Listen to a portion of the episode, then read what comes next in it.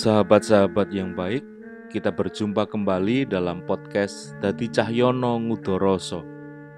Kali ini kita bertemu dalam episode Udaroso tentang Advent, pengharapan di tengah pandemi dan tragedi. Sahabat-sahabat yang baik, Advent tahun ini berbeda kita masih berjibaku dengan pandemi yang memaksa kita hidup dengan kebiasaan baru yang kita kenal dengan istilah new normal. Ditambah lagi kisah tragis yang dialami oleh satu keluarga di desa Lemban Tongoa, Kabupaten Sigi, Sulawesi Tengah yang dibunuh secara keji oleh kelompok mujahidin Indonesia Timur. Jadi, Advent tahun ini kita berada di tengah pandemi dan tragedi. Lalu, apa maknanya bagi kita? Advent dari kata Latin "adventus" artinya kedatangan. Masa Advent berarti masa untuk mempersiapkan diri menyambut kedatangan Kristus, baik kedatangannya ke dalam dunia dalam rupa manusia pada peristiwa Natal maupun kedatangannya yang kedua kalinya pada akhir zaman. Di dalam sejarah gereja, perayaan Advent ini mulai dilakukan gereja-gereja sejak abad keempat. Advent bisa dibilang sebagai masa penantian. Masa menantikan peristiwa Natal dan masa menantikan peristiwa kembalinya Kristus yang kedua kali ke dalam dunia. Sahabat-sahabat yang baik, setelah delapan bulan lebih kita hidup di tengah pandemi.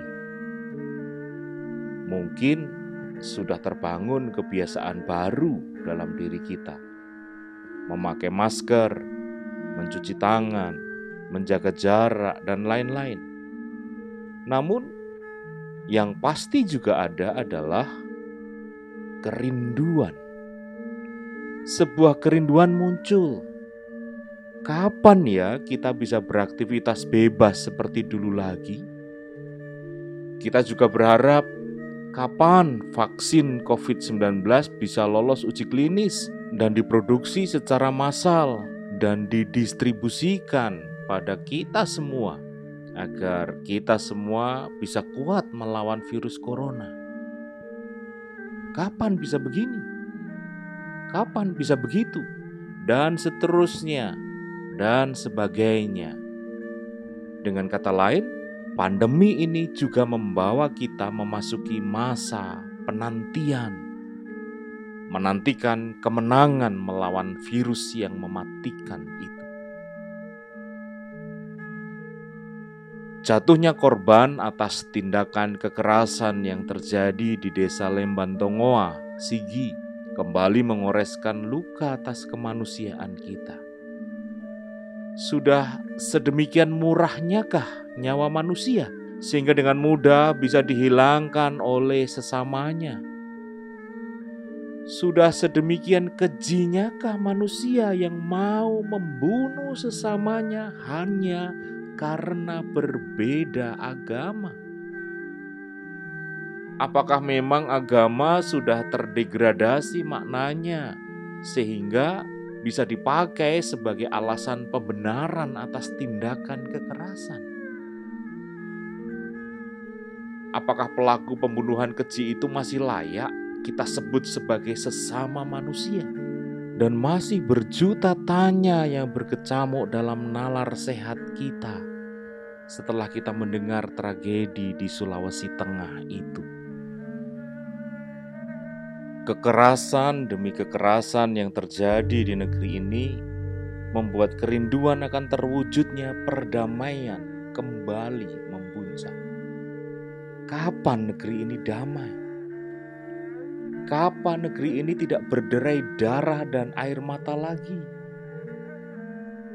Rasanya tidak akan pernah kering air mata ini jika mengingat berbagai tragedi kekerasan yang terus-menerus terjadi di negeri kita. Cobalah tengok pembunuhan orang-orang yang diberi label sebagai anggota PKI pada tahun 1965-1966. Peristiwa malari di tahun 1974. Invasi ke Timur Timur di tahun 1975. Penindasan dan kekerasan yang terjadi di Papua. Perang di Aceh. Konflik di Ambon. Poso. Halmahera sampai berbagai konflik dan kekerasan yang terus terjadi pasca runtuhnya Orde Baru diawali dengan tragedi Mei 1998 lalu konflik masyarakat Dayak dan Madura di Sampit penganiayaan pemeluk Ahmadiyah dan Syiah di beberapa wilayah di Indonesia tawuran pelajar sampai soal penutupan dan pelarangan pendirian gereja di banyak tempat. Dan yang terakhir terjadi, kita sudah tahu peristiwa berdarah di desa Lemban Tongoa itu. Deretan peristiwa itu sudah cukup sebagai dasar untuk mengatakan bahwa negeri ini merindukan perdamaian. Negeri ini menantikan rekonsiliasi Sahabat-sahabat yang baik, pandemi dan tragedi yang terjadi seolah-olah menjadi katalisator yang memperdalam pencarian makna tentang Advent. Di saat umat Kristen menantikan datangnya Kristus, negeri kita menantikan rekonsiliasi. Dunia menantikan pemulihan atas pandemi. Kita semua sama-sama berada di masa penantian. Entah kapan terwujudnya. Namun yang pasti, penantian itu adalah penanda harapan. Kita menantikan sesuatu karena memiliki harapan atas sesuatu itu. Hanya orang-orang yang memiliki harapanlah yang bisa melakukan penantian. Semua hal ini membuat makna Advent terasa lebih membumi karena relate banget dengan realitas dan konteks kita saat ini. Dalam situasi seperti ini, kita diajak untuk membuka mata dan membuka hati. Tidak hanya membuka mata dan hati, tetapi kita juga diajak membuka ruang memberi ruang bagi perjuangan dan penantian orang lain di dalam konstruksi penantian kita. Kita diajak untuk menjadikan penantian mereka sesama kita sebagai penantian kita juga. Kita diajak untuk menjadikan harapan mereka sebagai harapan kita juga. Dengan demikian, segala upaya dan perjuangan yang kita lakukan seharusnya adalah upaya dan perjuangan yang bukan saja diperuntukkan bagi kita sendiri, tetapi juga bagi pemenuhan, penantian, dan harapan orang-orang di sekeliling kita. Jadi, sahabat-sahabat yang baik, selalu ada sisi komunal di dalam ruang personal kita selalu ada ruang sosial di dalam individu kita. Dengan demikian, masa Advent adalah masa bagi kita untuk berani membentuk ulang, merekonstruksi diri kita dengan mengikis egosentrisme dalam diri dan memperkuat sisi altruis kita. Konkretnya, di dalam konstruksi harapan kita, kita pun menjadi harapan bagi sesama kita. Kalau selama ini masa Advent hanya dimaknai sebagai masa persiapan untuk merayakan Natal, yang biasanya dianggap sebagai puncak perayaan keagamaan Kristen, dan karenanya harus dirayakan semeriah mungkin sekarang kita diajak untuk berubah, atau bisa jadi kita diajak untuk bertobat. Bukankah peristiwa Natal yang pertama sesungguhnya adalah sebuah peristiwa yang terjadi di tengah penantian dan tragedi? Manusia menantikan kehadiran Mesias yang dijanjikan Allah. Namun, saat Sang Mesias hadir, ia justru disambut dengan penolakan, bahkan disambut dengan tragedi pembunuhan bayi laki-laki. Semua terjadi karena kebijakan keji dari Herodes demi mengejar ambisi kekuasaannya. Sama, bukan dengan masa Advent saat ini? Masa penantian di tengah tragedi.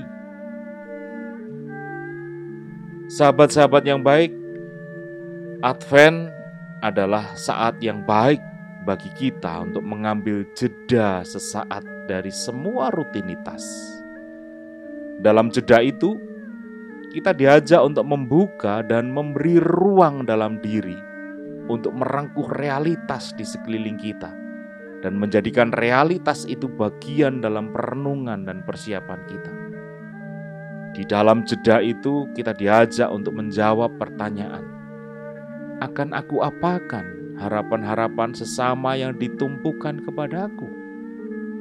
Atau bagaimana caraku untuk menjadi pemenuh harapan sesamaku? Untuk itu, sahabat-sahabat yang baik, saya mengajak kita semua untuk mulai mengambil jeda sesaat di masa Advent ini. Ingatlah penantian-penantian dan harapan-harapan dari orang-orang yang ada di sekeliling kita. Jadikanlah itu sebagai penantian kita juga. Jadikanlah itu sebagai harapan kita juga. Mari kita mengingat sahabat-sahabat kita yang tengah berjuang menghadapi COVID-19, yang menantikan pemulihan dan kesembuhan.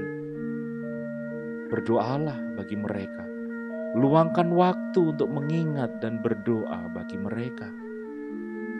Saat ini pun saya mengingat sahabat-sahabat saya yang tengah berjuang untuk mengatasi COVID-19 yang harus menjalani isolasi mandiri karena virus. Saya akan menyebut beberapa nama.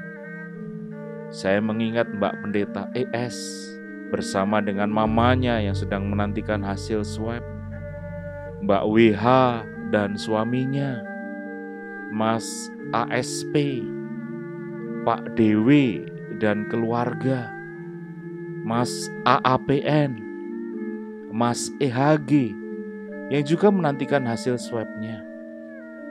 Saya mengingat juga Mas EEA dan keluarga, Pak KS, Pak MDT, juga saya mengingat Mbak RC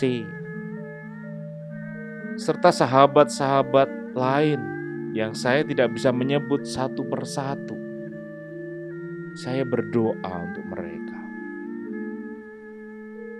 Mari kita juga mengingat dan berdoa untuk para korban tragedi kekerasan yang terjadi di negeri ini Mari kita berdoa agar pemerintah diberi keberanian untuk bertindak. Mari kita berdoa agar rekonsiliasi bisa tercipta di bumi Pancasila ini. Mari kita berjuang menjadi pemenuh harapan bagi sesama di masa penantian ini. Dengan begitu, masa Advent kita masa penantian kita akan menjadi lebih bermakna. Tidak hanya bagi diri sendiri, tetapi juga bagi orang lain, bagi orang-orang yang ada di sekeliling kita. Sampai di sini, sahabat-sahabat yang baik, udah rosso dalam episode kali ini. Kita akan bertemu kembali di episode-episode Dadi Cahyono Ngudoroso berikutnya.